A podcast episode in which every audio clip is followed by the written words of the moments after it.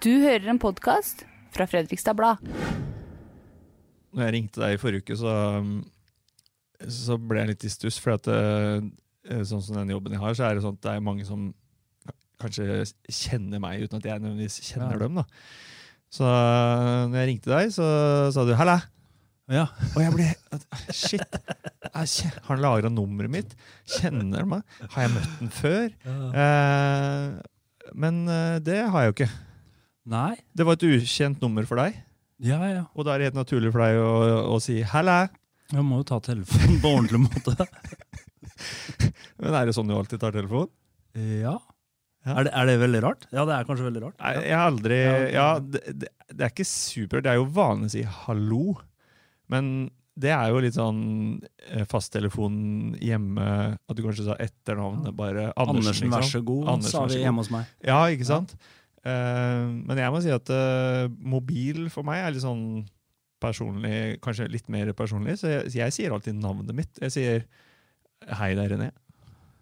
Å ja, ok. Ja. Ja. nei, jeg, jeg vet ikke. Jeg, kanskje jeg bare tenkte at dere, hvis du ringer til meg, så gjør du det sikkert på gjørs, så da vet du sikkert allerede hvem det er som tar telefonen.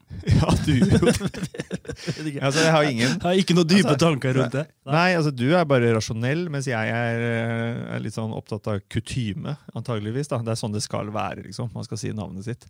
Men det er ikke- altså jeg ble jo bare glad jeg, når du sa det. Det er jo, For en som er fra Fredrikstad, så er det jo helt topp at noen sier 'hella i røret'.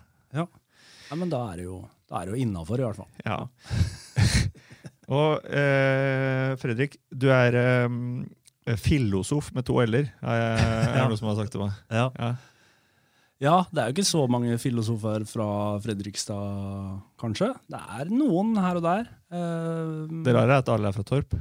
Ja, vi er jo en sånn Vi har sånn eh, Torpskolen filosofifabrikk, har vi kalt oss. eh, med bilde av Torp-bruk på T-skjortene og sånn. Det er jo fordi at både jeg og broren min og søskenbarnet mitt er eh, filosofer. Og driver med litt forskjellige ting.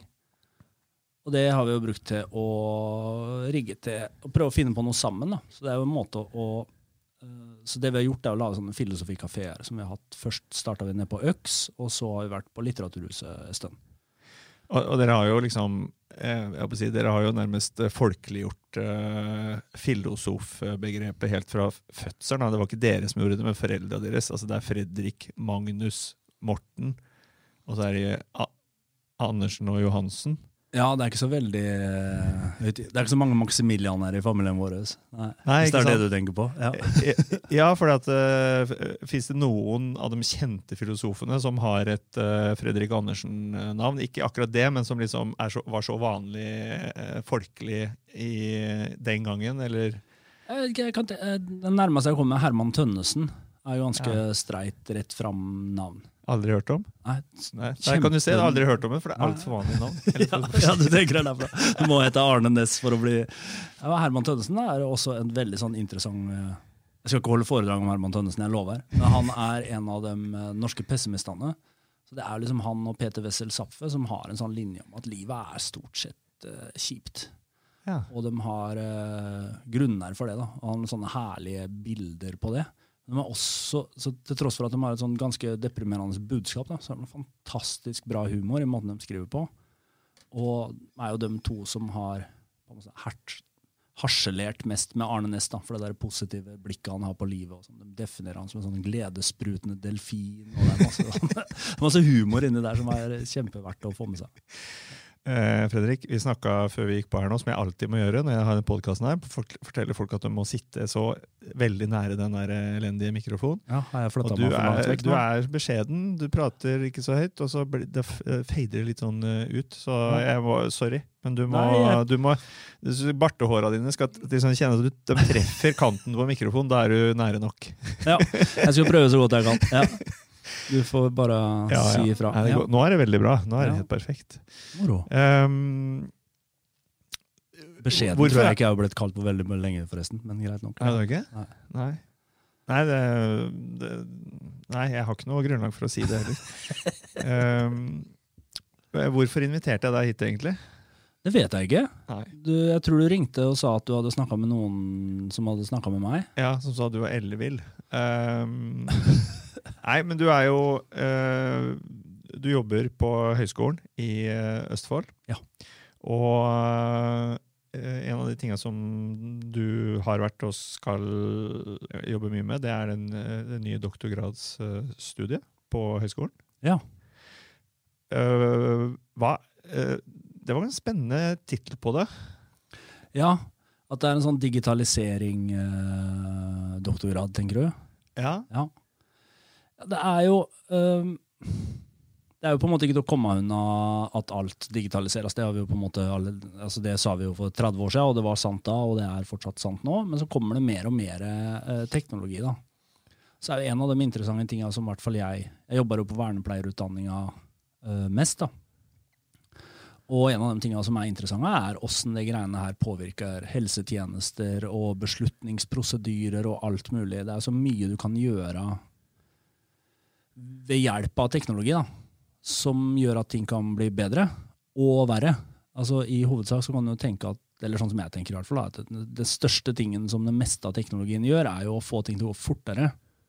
Det vil jo også si at du kan løpe fortere i feil retning og i riktig retning. da. Og så har det masse sånne påvirkninger på Hvis du tar noe enkelt, da, som en vanlig fastlege, ikke sant?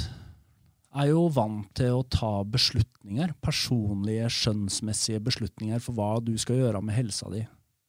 Hva slags behandling skal jeg anbefale deg nå? Hvilke tabletter og alt det greiene her. Jo mer digitalt du får det, da, så kan du jo begynne å tenke at ja, men hva om jeg, jeg ser at en del av legene gjør en del feil.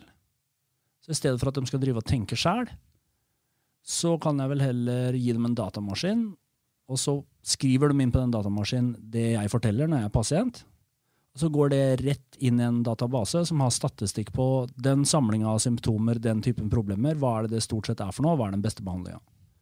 Så blir på en måte tanken da er jo at beslutningen blir tatt av det samla totale kunnskapen vi har i verden, og du kan ta beslutninga på et millisekund, ikke sant? Du kan bare spørre ChatGPT. Ja. det, ser at, det ser ut som den trenger litt mer eh, trening. Den har en del uh, ymse svar. Og det er jo En ting som er spennende med det, er jo liksom hva vi forestiller oss. Og det er jo at det skal bli på en måte at vi får fjerna masse fordommer og fjerna masse problemer som vi har med folk, fordi at uh, algoritmer er nøytrale og alt det greiene der. Og det er vel ikke helt uh, innafor å tenke. Da. Og det er jo noen sånne fantastiske historier når de har prøvd å kjøre sånn kunstig intelligens og sånn på nettet før. Jeg vet ikke om du så Google, eller jeg husker ikke, det var noen som laga en uh, sånn kommunikasjons-kunstig intelligens-greie, da. Som satt på Twitter. Og de Som en chatbot eller noe ja, sånt? ikke sant, som folk kunne snakke med, da. Det som Problemet er at er folk er jo øh, rare og har øh, rar humor. Så det tok under 24 timer før, det, før den botten ble kasta ut av Twitter. da. Jeg tror den siste kommentaren fra den botten var øh, 'Hitler did nothing wrong'. Det er jo fra en algoritme, men det er folk pøser på med informasjon, så vet du ikke hva du øh, får. Så den skal være litt Har du prøvd sånn altså jeg må si det, En av de store skuffelsene det er sånne chatboter. Eh, Sånn som de har på Du kan gå hvor som helst, om det er Elkjøp eller Skatteetaten eller hva det er. Men de skjønner jo absolutt ting. Det er jo egentlig bare et søkefelt. Du må liksom eh, velge nærmest eh, et, eller annet predefinert problem, og så kan du få et generelt svar eh, på det. Det er liksom, jeg føler at de har de kaller det chatbot. Det er nesten å ta kunstig intelligens litt eh, på forskudd, er ikke det? Ja, mye bot og lite chat. det er altså, det er jo, den bruker jo da antageligvis noe sånn teknologi som, som fokuserer på enkelte nøkkelord. da. Det er klart at det, Måten vi preker på, er jo at vi bruker de ordene ganske annerledes i kontekst. Og det skal jo litt trening før de bottene klarer å fange opp det. da. Men de blir bedre, de gjør det. eh, Og de har jo sett noe Dere som er journalister, for eksempel, da, er jo under en sånn en Det har jo blitt sagt i 20 år, for så vidt, da, men det er jo en sånn løpende trussel om at jo, men kanskje disse kunstig intelligens-programmene kan skrive artikler på samme nivå som en menneskelig journalist etter hvert. og Ja, vi har jo vi har det. Ja. Eh, vi har eh, fotballrobot som, eh, som, foregår, eller som fungerer på den måten at eh, i breddefotballen så legger klubbene inn om det er eh, sjuende divisjon eh, på Torp oh, nå tror jeg kanskje det var Skal være litt forsiktig. Det, eneste jeg vet om Torp IF og det som står i avisa, er at det kommer alltid til å stå at Kent Børresen har skåra minst, minst ett mål. Ja. Ja, altså Han kommer til å skåre til han blir 70, tror jeg. verste altså. Ja. Ja. Men uh, jo, da legger klubbene inn hvem som har uh, scora når det blir gult kort osv. Som bare kampfakta, som det heter. da. Og så skriver eh, den fotballroboten artikler basert på det. Og er det liksom blitt 4-3 i en kamp, så står det typisk sånn målkalas i tittelen. og det ser veldig bra ut. Vi, er, vi er, hadde flere hundre sånne artikkel, artikler sånn nå på slutten av, vi, vi starta på slutten av fotballsesongen i fjor. da. Mhm. Og vet du hva det eneste der som skiller de artiklene fra vanlig sportsjournalistikk? Kan jeg være ærlig? Hvis jeg gjetter? Jeg, jeg går hardt ut og så gjetter jeg på at det er færre skrivefeil. Ja, det er Eh, det, det er ingen skrivefeil. Nei, det vil jeg gjette på. Det er dårlig gjort at jeg gjetta det. Enda verre er det hvis det var riktig. Hvis du ikke hadde gjetta det, så hadde jeg tenkt å si det. Ja, ok. Ja. Ja, det er godt å høre. Ja. Men, eh, men ja da, det er, det er eh, på vei inn. Jeg vil si at eh, i, i journalistikken på det nivået vi snakker om, som vi, på dette her, da, for eksempel, så er det jo egentlig bare med på å lage journalistikk som vi ikke har ressurser til å gjøre sjøl. Ja. Så, sånn sett så er det jo bare bra. Men det er jo øh, det du snakker om, eller snakka om, da, f.eks. knytta til fastlegen som ikke setter diagnose sjøl lenger. Så da er man jo inne på det med etikk, da. Ja, du kan, Rundt hva man forsker på, hva man lager. Og det er jo også ditt uh, område, ikke sant? ja, Forskningsetikk. jeg holder litt på med det, i hvert fall i forskningsetikk. Og det er en sånn, for å sette et eksempel som kanskje gjør det litt mer uh, Som jeg syns er et interessant eksempel, da, i hvert fall. Det er, vi har et system for trygdeordninger. Og så er det en del folk som tilfredsstiller krava til å motta penger. Ikke sant? Og så vet vi at en del av de folka som jobber med å ordne med det, gjør feil en gang imellom. Sånn er det. Så la oss si at jeg har et uh, program for kunstig intelligens som treffer mer presist enn folk. Altså en saksbehandlere på Nav, f.eks. Rett og slett, ja. Men det er ikke noen saksbehandler på Nav, det er bare en algoritme i, på, som ligger uh, på Nav. Ja, så når du legger inn uh, en søknad om uh, uføretrygd, da, Ja. så er det ikke en eh, person som behandler den søknaden, men det går inn i et datasystem. Og så, hvis vi antar da at det datasystemet er mer treffsikkert enn folk, så høres jo det veldig bra ut. Flere folk får det de skal ha. Færre folk får når de ikke skal ha. Så det treffer mer presist, og det går jo mye fortere. Vil vi jo tro er i hvert fall utgangspunktet. Så på en sånn effektiviseringsplan og presisjonsplan så høres jo dette her ut helt strålende ut, u- og egentlig ikke noe å diskutere i det hele tatt. Men så er spørsmålet, hvis du søker om uføretrygd og mener du skal ha det, og en saksbehandler, et menneske på Nav, sier nei, så kan du gå ned og diskutere med det mennesket, eller få det på telefonen, eller et eller annet, så du kan få en eller annen forklaring, eller et eller annet som gjør at du føler at du har en eller annen grad av forståelse eller ankemulighet. da. Men den samtalen der kan du ikke ha med en algoritme. Ikke sant? Den opplevelsen du får, er bare Nei, datamaskinen sier nei. Jeg vet ikke om du har sett gamle Computer Little Britain. no. Helt riktig. Little Britain. Computer says no. Åssen er, er, det, er det fortsatt uh, åpenbart at vi skal innføre et sånt system? Selv om det er mer presist? Eh, Vil ikke, men vil ikke systemet også kunne gi mulighet til at et menneske kan forklare hvorfor det har blitt som det har blitt? Det handler jo om åpenhet om hvilke vurderinger som er gjort. da. Jo, og det, sp det spørs da åssen systemer du lager, da. Mm. Hvis du har kunstig intelligenssystemer, så er jo gjerne sånn at uh, algoritmene Altså maskinlæringssystemer og sånn er jo gjerne sånn at algoritmene lærer seg sjøl på en måte som ikke er tilgjengelig og gjennomsiktig. Um, og så er spørsmålet da, hvis vi skal begynne å snakke om å spare penger da, ved å ansette eller bruke algoritmer i stedet for folk, så er det jo ikke sikkert at det er så lett å få tak i folk som klarer å på en måte pakke ut hva er det de uh, algoritmene har gjort her, hva er den beslutningen basert på.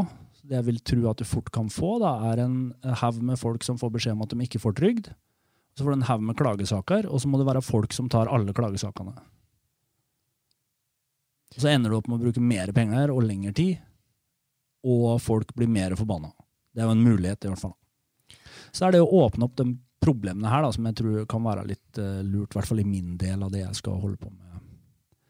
Men er det sånn at kommer det inn på, et, på, liksom på forskningsstadiet, eh, eller er det sånn at man bare forsker fram muligheter, og så får eh, liksom noen andre bestemme hva man bruker og ikke? Uh, der er det jo vi se, jeg ser litt sånn tomt ut i lufta, for jeg prøver å finne hvordan det går an å formulere seg. Det, er flere måter å tenke på her. da. Det ene er at vi fordeler oppgavene veldig enkelt. Forskere er forska på hva som helst, og så får samfunnet bestemme hva som skal brukes og ikke. Og det ser vi vel at det går ikke.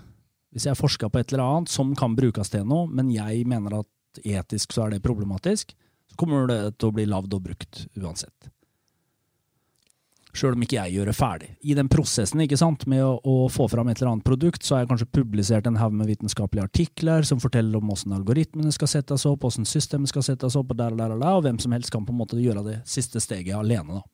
Så hvis du tenker at du lager et eller annet fullstendig supergenialt, da Atombombe, eksempel? Ja, ja. Eh, eller for å ta det litt mer sånn eh, ja, sivilt. Nei, men du lager et system som gjør at uh, uh, Altså, uh, helsekostnader er den største utgiften i Norge. Mm. Du lager et system som gjør at man nærmest over natta kan kutte 100 milliarder kroner i, fra statsbudsjettet på, på helsekostnader. ja, hvilk, og, er det, og da er det opp til politikerne å eh, bestemme om det skal brukes eller ikke. Og da tenker du at det, eh, det vil være veldig vanskelig å si nei til, rett og slett. Samme hvor eh, ekstremt det måtte være, kanskje. Ja, det vil jeg si. Og så tror jeg det er en sånn greie som forskere har brukt mye tidligere. Uh, som, en form for sånn ansvarsfraskrivelse og unnskyldning.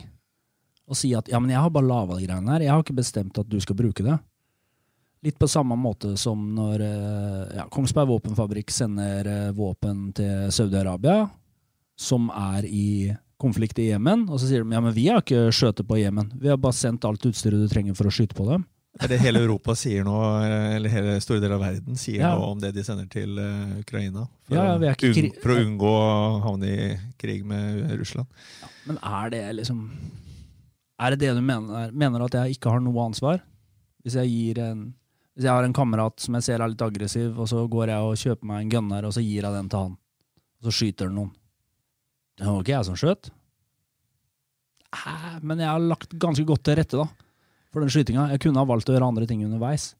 Så den andre måten å tenke på er jo øh, kommet litt mer etter hvert, i hvert fall, øh, om at du må gjøre de etiske vurderingene allerede på, på en måte planleggingsnivå, før du begynner å produsere noe som helst.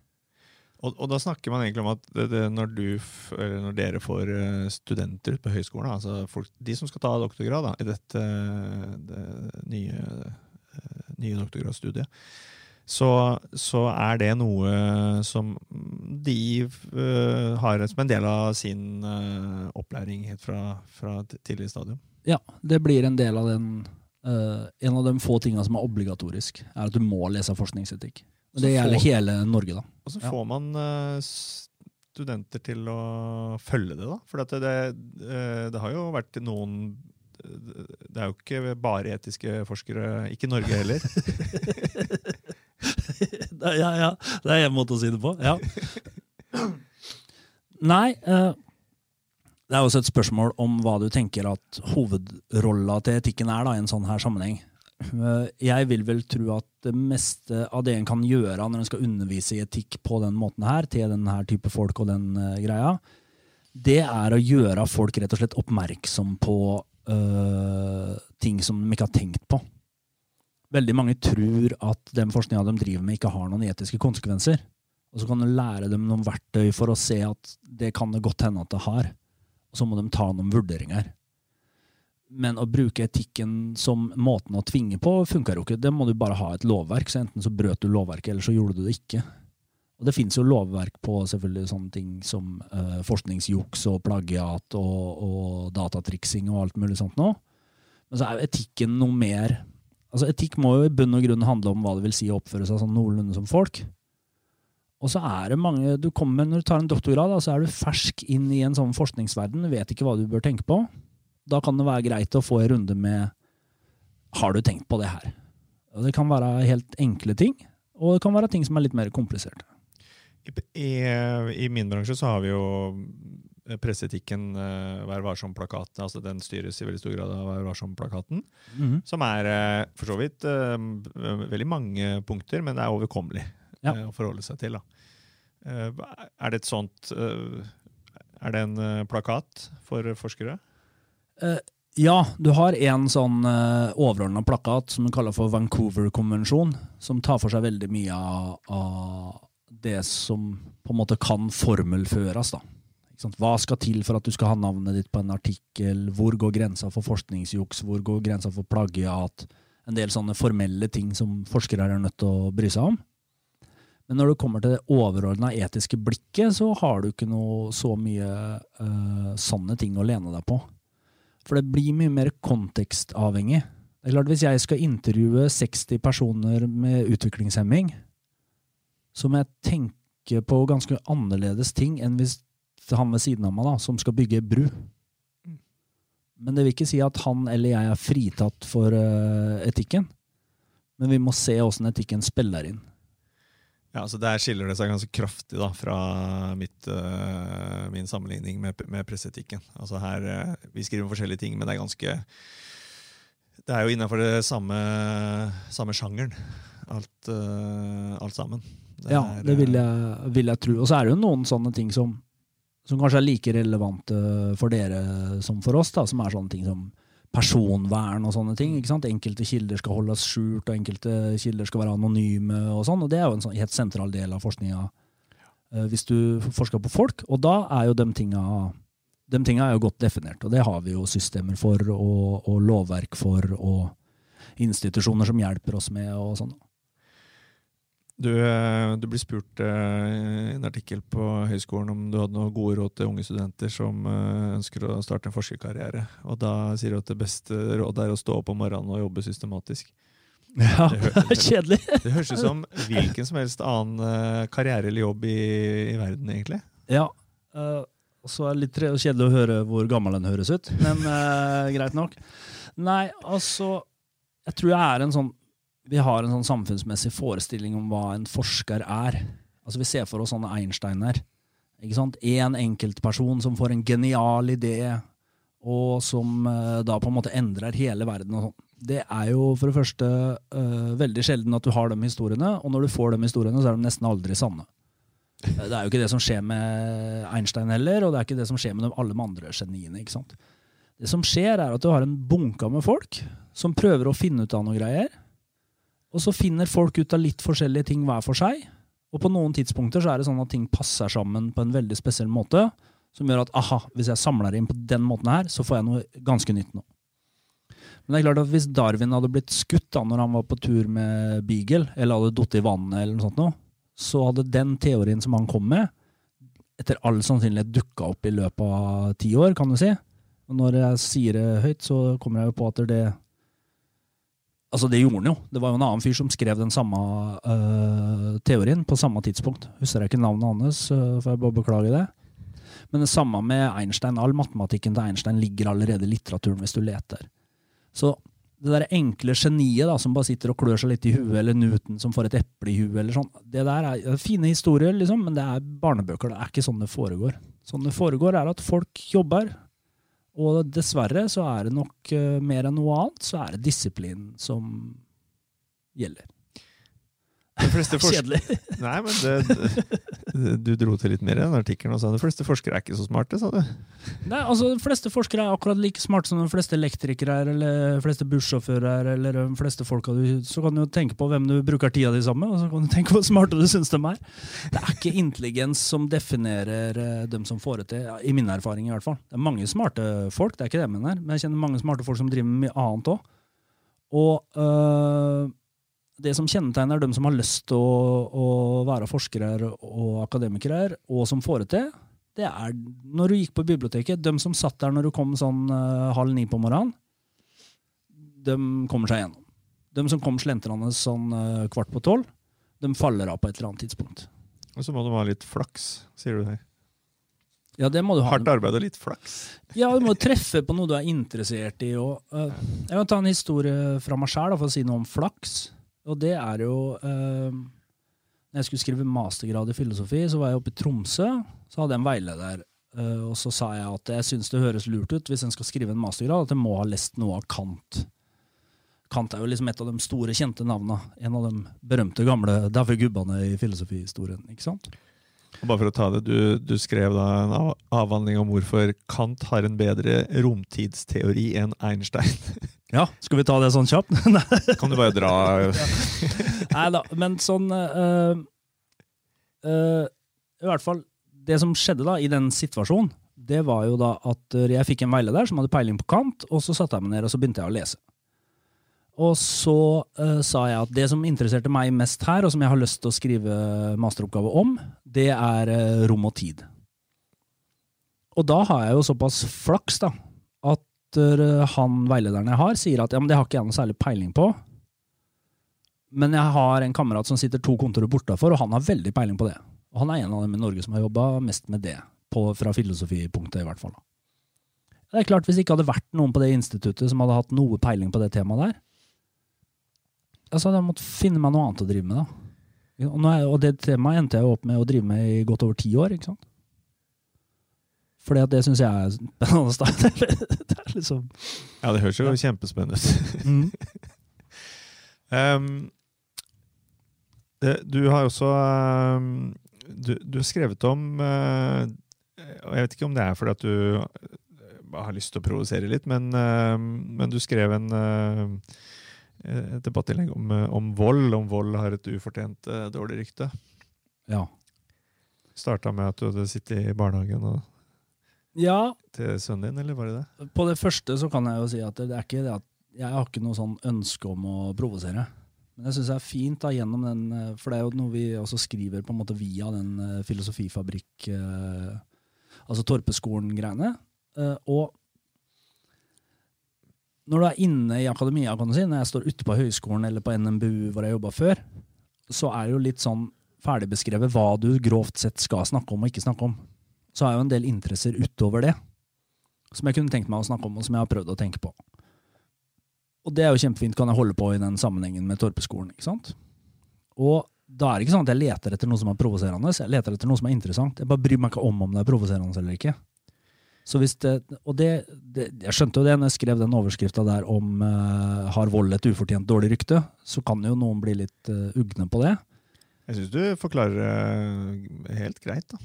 Ja, det er jo veldig hyggelig, og jo og formålet der da, er jo også at vi skal prøve å kanskje ta noen av de tingene som vi bare har bestemt oss for. Som er, De som bruker vold er slemme, eller uh, de som bruker vold har tapt, eller et eller annet uh, i den retningen der. Og så bare spørre, ta fem minutter, da. Er det Skal det være sånn? Er det lurt? Å tenke at uh, all voldsbruk i nesten alle sammenhenger, eller i absolutt alle sammenhenger, er verre enn andre ting? Som for eksempel, da mener jeg fysisk vold, da psykologisk plaging, mobbing, alt det der andre greiene du kan gjøre mot folk, da, er jo én ting. Men så er det noe med Det er vel noen ganger du i hvert fall kan skjønne at noen uh, bruker vold. Så jeg bruker jo et ekstremt eksempel da, i den situasjonen der. Det er jo med en amerikaner som har en sønn som har blitt uh, kidnappa og voldtatt av en nær venn av familien. Som man da ender opp med at han skyter den. Er ikke helt uforståelig for meg? Nei, og da sier du at det, det virka greit. Ja, jeg syns jeg skal i fengsel og sånn. Vi kan ikke, ha, kan ikke være Ville Vesten. Men øh, jeg har ikke hatt noe problem med å drikke kaffe med han på en vanlig onsdag av den grunn. Jeg vet ikke, jeg kan godt hende han er kjip fyr sånn generelt, men den historien alene er ikke nok til at jeg syns at det er et dårlig menneske. Eh, nå, det, det, nå husker jeg ikke, men det var noen år siden du skrev den, ikke sant? Siden jeg skrev den? Nei, det er ikke seks måneder siden engang. Å oh, ja, det var en av de nyeste, ja. ja for jeg leste flere. Jeg bladde meg bakover. Nei, det var en av de nyeste. Ja, jeg driver med meg på en haug med greier. Ja, ja, for da faller mitt neste spørsmål. For det jeg egentlig hadde tenkt å si, var liksom fordi Hvis dette var fire år siden, så er det, ville, er det, ville du i det Woke 2023 eh, med fare for å bli beskyldt for at dette er det bare en mannlig eh, filosof som kunne få seg til å skrive skrevet det samme. Men da har du jo gjort det. Ja, men er ikke er, Ja, og er ikke Ok, det er veldig mannlig, og er, jeg vet ikke, jeg følger med på amerikanerne, og sånn, for jeg syns de er morsomme, de er så gærne. Og, og de har det, hele det toxic masculinity og det greiene der, ikke sant? Er det så Er det så gæli? Det derre Sånn som jeg har vokst opp, i hvert fall, da, så og mye av humoren og på en måte måten å bli kamerater på, er at vi driver og hakker på hverandre. Så hvis du har en stygg skjorte, så kommer jeg til å nevne en 3-34 ganger at du har en stygg skjorte. Eller hvis du ikke sant? Så, så vi tuller med hverandre. Ikke sant? Noen gjør noe dumt, noen sier noe dumt, eller sånn. Så tøyser vi med det, og det kan bli litt hardt. Men det er morsomt, og det er måten vi blir venner på. ikke sant? Og det er en sånn greie som blir beskrevet som en sånn, ja, det er en sånn veldig mannlig måte å være på. Ja, ja. Det er fint, det, vel? Når, når du nevner det nå, for du, du, jeg, jeg, det sto nemlig på morgenen, så tok jeg på meg øh, klær. og så tenkte jeg da tar jeg den T-skjorta. Fordi at eh, jeg kjøpte meg en T-skjorte, bestilte på nettet. Mm. Og så tok jeg et bilde av den på Snapchat, fordi kona mi sa den kan ikke du gå med på jobb. Altså, det, går, Det er alltid det, bra. Det går ikke. ikke sant? Mm. Og da tenker jeg med en gang jo, da skal jeg gå med den på jobb. Ja. Um, og så tok jeg Snapchat-bilde, og så spurte jeg en del folk som jeg da sendte den snappen til. Mhm. Kona sier jeg ikke kan bruke den her på jobb. Ja. Hva syns du? Og da, det jeg uh, la merke til, var at uh, de som sa det var greit, det var uh, stort sett eh, mannlige kollegaer. Og kvinnelige kollegaer var enten betenkte eller sa nei, det kan du ikke. Så kan du, skal du nå, Ja. nå, for nå skal filosofen Skal- ta stilling er problemet nå, er at hvis jeg sier at det ikke er greit, så har jeg definert meg som litt mandig. Ja, ja, ja, men det, du, du er ikke redd for å være ærlig, så det, du kommer til å si det du mener. Ja. Uh, og, det, og det er altså at jeg som er sjef her, går med den T-skjorta. Det var liksom eh, da Riktig. Og så må jeg si at jeg går jo med nå med en, med en storskjorte på utsiden, kneppa igjen. Så det er ikke Ja, så- ja, altså, det var godt skjult, men uh, Den er- ja. Den er sånn. Du kan beskrive Ja, hva ja. du ser. Ja, nei, Det du ser her, er jo en Det er to stykker som sitter ved et bord, en mann og en dame. Dama drar opp uh, en strektegning, må ja. du si det. ja, ja, ja, ja, ja, så det er ikke så vulgært som det høres ut. Nei. nei. Uh, dama drar opp uh, trøya og viser brøstene, men han mannen han ser ikke, for han sitter og fikler med telefonen bare. Han sitter med huet bare rett ned. Så dette er jo en samfunnskommentar, egentlig, da. Ja, i form av en uh, T-skjorte. Som jeg syns var uh, litt uh, artig, så jeg bestilte meg den. Og har da for første gang brukt den på jobben. Riktignok Ja. litt sånn tilkneppa. Hva, hva tenker du? Jeg tenker at det må være helt, inna, he- helt innafor. Ja, kunne Det du, som du går med T-skjorte nå. Kunne du brukt den her, sånn som du går med den T-skjorta på jobben din på høyskolen? Så det er to spørsmål. da. ene er om jeg syns det er greit, og det andre er om uh, høyskolen ville ha reagert. Jeg tror ikke høyskolen ville ha reagert, uh, i hvert fall. Men så er det noe med det som spiller inn, som kan være lurt å tenke på da, i den settingen. Uh, det er jo Jeg jobber på en utdanning med veldig mange kvinnelige studenter, som i all hovedsak er sånn rundt halvparten så gamle som meg. Kanskje den historien vi har rundt oss med mannlige professorer Nå er ikke jeg professor, da, men mannlige eh, forelesere som ligger med studentene en del er, altså Akademia har kommet ganske dårlig ut av den metoo-debatten. Kanskje den konteksten tilsier at eh, ting som har med seksualitet å gjøre, bør vi holde på et absolutt minimum. Så jeg tenker at Styrken i budskapet er ikke noe øh, fæl, eller sånn, men akkurat sånne ting som har med sexhumor, det prøver jeg i det lengste å unngå. Jeg har sinnssykt dårlig humor, så det er sikkert hende at det detter noe ut av meg en gang imellom, men akkurat den typen ting prøver jeg å unngå i den settingen jeg er i. Mm. Men nå ser ikke jeg hvordan de ser ut, de som jobber her. Men det er klart at hvis Du hadde hatt Du kan jo spørre deg sjøl, da. Syns du det hadde vært annerledes hvis du hadde hatt på den T-trøya og det jobber stort sett menn i 40-50-åra her? Eller hvis det jobber halvparten menn i 40-50-åra og halvparten damer i 20-åra? Syns du det ville ha gjort noe da? Ja, ja, ja. Av det enkle punktet at det er tegning av brøster på T-skjorta. ja, absolutt. Det, det ville gjort noe. Og, og, og jeg, eh, jeg kommer ikke til å gå med den, eh, den her uten noe over. Eh, Så, så det var Jeg gjorde det egentlig for å ha et Ha noe å snakke med deg om. Å tøffe seg litt, rett og slett. Ja. Nei, men det er, det er interessant det der, altså, for det at jeg syns òg Altså det er en sånn debatt, det går jo, jeg vet ikke hvor mye folk følger med på det. Jeg følger med på det fordi at jeg er en del av det, på en måte. Sånn om eh, er det ytringsfrihet i norsk akademia og sånn. Jeg syns jo Norge har kommet utrolig godt ut av det. Jeg syns vi klarer oss kjempebra. Jeg syns det er veldig lite surr, og er veldig få som får kjeft. Og de gangene de får kjeft, så er det stort sett eh, institusjonene som taper. Var en fyr som kom med en sånn en vits om uh, tyskerne som underviste på Universitetet i Bergen han kom med en vits, jeg vet ikke om du husker det, det var en sånn sak som gikk eh, i avisene òg. Når saken gikk, så så det ut som at liksom, herregud, går ikke an å si noe som helst. Og så ble det ikke mye snakk om det etter hvert. Det daua ut. Men det som viser seg, jo, det går an. Og det du får, er at du får penger i erstatning. og Universitetet får massiv kjeft offentlig, og studenten får penger i erstatning. Institusjonen dret seg ut med å lage en sak ut av det der. Samme har jo i stor grad vist seg med han uh, som jobber oppe på NTNU. Uh, som har endt opp da med at NTNU får kjeft. Han får uh, ikke så gæli resultat. Sånn at der, Jeg tror takhøyden er ganske stor, da. Det er litt sånn som i sånn sjakksammenheng hvor de sier at trusselen er større enn gjennomføringa. Det som nok er skummelt, er når folk ikke tør å si noe fordi at de tror at de kommer til å bli hakka ned. Mens hvis de faktisk hadde sagt det, så hadde det ikke blitt noen reaksjon i det hele tatt. Du har jo en helt fersk sak nå med Atle Antonsen, som, uh, hvor det nå ikke Det er ikke en kriminalsak, det han, uh, det han sa. Nei, ikke sant? Er, det var morsomt. Jeg hadde en samtale med på jobben hvor han spurte meg liksom, er ikke det her litt vel hardt. og sånn. Jeg tenkte ja, la oss se, da. Hva var det som ble det totale resultatet for Atle Antonsen ut fra det han hadde gjort? To dager hvor det ser dårlig ut i avisa, en knallhard gjennomgang på Nytt på Nytt av to av de gamle kameratene hans, som de sikkert hadde klarert med en på forhånd. Og så tre uker ferie, og så sto det i avisa her om dagen at han eh, Ja, men man regner med at han er tilbake på P4 i løpet av et par, par, uker. Du kan si nesten hva du vil, uh, og så er det en del som syns at du er tett. Og det må du regne med. Og så har de som syns at du har tett, tilgang på de samme sosiale mediene som du har, så de kan si det sånn at du hører det.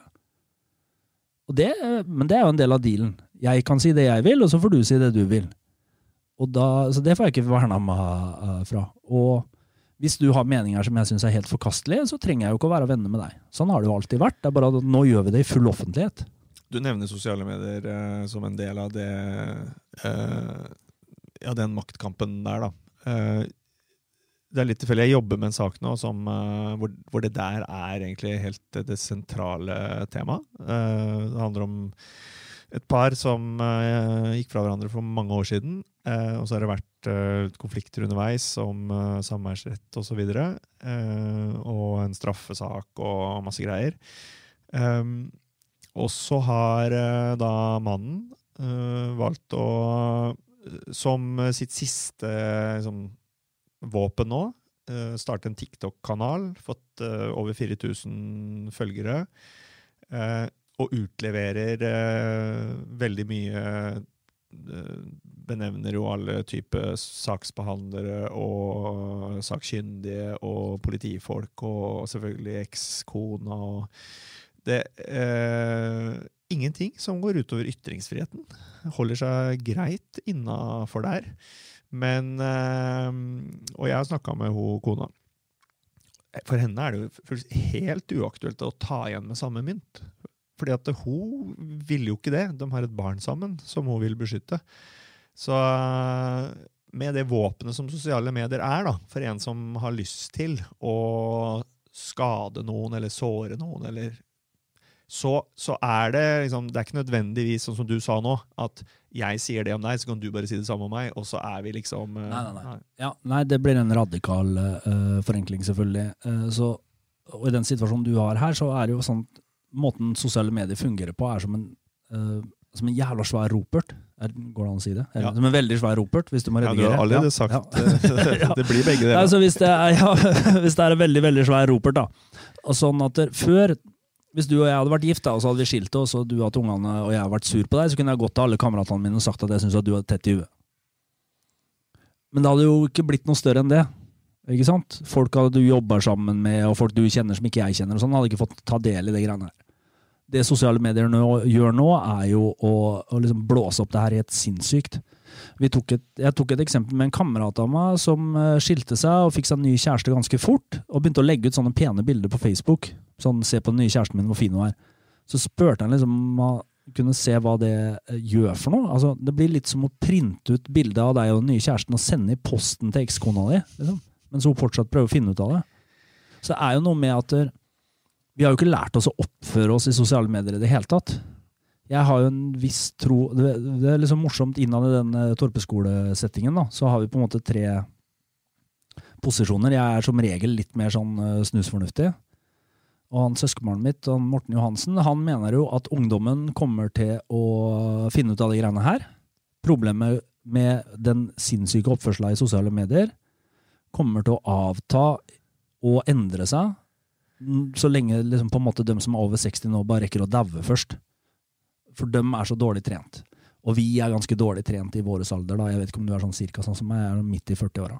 Det var eh, Det er viktig å få folk med på lag. Veldig Nei. snitt, da. Jeg er 52. Ja, riktig. Ja. Men vi er jo dårlig trent, ikke sant? For vi er jo Når vi vokste opp, så vokste vi opp ute i gata eller på lekeplassen eller på fotballplassen eller hvor det nå var hen. Mens de som vokser opp nå, vokser opp på internett. De lærer seg de greiene her fra de er helt små. Uh, og da er det jo grunn til å tro at de kanskje bruker det litt annerledes òg, da. Uh, så vi, har jo, vi ser jo det, at når en driver og holder på i eh, Altså Så han, søskenbarnet mitt han tror da at det her kommer til å bli bra. Eh, Broren min eh, tror ikke det noe særlig. At, verk, at verktøyene er for kraftige rett og slett til at vi rekker å lære oss å bruke dem innafor liksom, rimelig tid. Ja. Det bør eh, begrenses. Eh, Jeg mener ikke at han mener at du skal gjøre det politisk, eller noe sånt, men at det er sunt for menneskeheten som sådan om vi bruker det mindre, rett og slett. Men altså, det foregår jo en ganske heftig debatt i kanskje først og fremst i EU om eh, nettopp begrensning. Da. Om eh, hvordan man kan hvordan man kan sørge for at skadevirkningene av sosiale medier blir mindre. Ja. Jeg har ikke noe trua på det, men Nei. det er jo Eller altså, jeg har ikke noe trua på at du kan på en måte gjøre det gjennom lovverk eller sånn. Eller altså, du kan gjøre det, men jeg, tror- men jeg tror ikke det blir noe bra. Jeg tror ikke det å kontrollere kommunikasjon på den måten der fører til så mye bra, egentlig. Så jeg tror jo at eh, jeg, jeg tror da med søskenbarnet mitt at det her kommer til å gå seg til litt uh, mer etter hvert, ettersom folk kommer uh, blir voksne som er bedre trent. Jeg tror ungene mine kommer til å være mye bedre på det her enn det jeg er. Hvor gamle er barna dine? Åtte og elleve. Ja. Så da, sånn 11, jeg har en datter på 13, vi diskuterte det nå i helga, det her med eh, helt sånn merkelige holdninga til eh, eh, skriftlige uttrykk. Det å bruke punktum, da, som har vært oppe, ikke sant? at det er hardt. Når du, hvis, hvis, hvis du sender en melding til 11-åringen og skriver eh, OK punktum, så er det egentlig Da, da er det sånn OK, ja vel, ja. Uh, Ja, ja. Det der er Tommel opp er uh, hardt. to- Ja, ja. Altså, For det er en sånn god gammeldags ja, Nå er vi ferdig å snakke om det her. Liksom. Nå skal jeg gjøre noe annet. Tommel opp, jeg har sett hva du mener. Jeg skjønner det, jeg har tatt imot beskjeden. Gjør noe annet. Jeg driver med noe annet. noe, du mener jo ikke noe feil når du tar en tommel opp, men uh, her er noen som er unge brukere av dette, bestemt at eh, sånn Nei, det gjør vi ikke. Vi må være hyggelige. Vi må liksom svare på en annen måte. Ja. Ja, det er jo én ting at eh, vi må være hyggelige, men når jeg bruker punktum etter eh, OK, så skjønner jeg jo ikke at det ikke er hyggelig. Så det som skjer her, er jo egentlig eh, Eller altså, en av de tingene som skjer, vil jeg tro, da, det er jo at eh, de som holder på mye med det, utvikler nyanser i det språket som vi andre ikke ser. Og så driter vi oss ut. Litt sånn som en gammel bestemor som sier ting på julaften som hun ikke har fått med seg at det er blitt uh, uakseptabelt i mellomtida, ikke sant? Uh, og, og det skjer jo. Så de blir jo flinkere til det. De bruker det mer effektivt, og de får fram flere poenger. Uh, men jeg tror ikke det er noe lurt å liksom bare som foreldre og sånn, bare dumpe det og slippe det helt fritt. Jeg er en av de mest restriktive folka jeg kjenner. Av alle jeg kjenner. Sosiale Liksom. medier på barna På ungene mine, ja. Ja. ja. Det er ikke noen sosiale medier på ungene mine i det hele tatt. Nei. Nei, De er åtte og elleve år. Ja. Så det Men eh, det er mange på 11 som Ja, ja, ja. sitter på TikTok, alle dager. Ja, ja, men folk eh, det kan, Jeg kan ikke ha sånn demokratisk beslutning på hva som er bar barneoppdragelse. Det syns jeg folk er altfor gærne til. Så det, nei, det er knallrestriktiv. Jeg, ja, jeg tror jeg er den mest restriktive jeg kjenner på når det kommer til tilgang og sånn, men eh, så får vi ta det litt etter hvert, da. Åpne opp uh, gradvis. Så vi får trene seg. Jeg tror fortsatt at det er lurt å være barn og løpe rundt uti i eh, gatene og ikke bare kommunisere via Og heller- dingser da, og sitte og Men det er sånne enkle ting som at du du blir dårlig i øya av det. Hvis du sitter foran skjerm mange timer om dagen, så er det godt dokumentert at du blir både dummere av det, mer deprimert av det, selvmordsstatistikken peker i den retningen. Altså det er mye som tyder på at du ikke skal bare gi en bunke av unger en haug med skjerm, og så gå og gjøre noe annet. Jeg tror de, de bør spille ball og leke siste og kaste snøball og slåss litt og gjøre de tinga der. Jeg tror ikke vi skal slutte med det. Tror ikke det er noe bra. Og blir de uvenner, så er det bedre å klabbe til hverandre litt enn å, Ja, å ha, ta den kampen på Ja. meldinger. Ja, I stedet for å alliere seg uh, med 17 kamerater som kjører eksklusjonsleker på ikke sant? Alle er invitert i chatten, men du får ikke lov å være med. Vi sitter her og snakker dritt om deg. Altså, klapp til dem i stedet, og bli ferdig med det. Sånn som vi gjorde gode gamle dager. Nei da, det jeg er ikke så sånn voldsforherlig, men det er ikke noe sånn greit med det.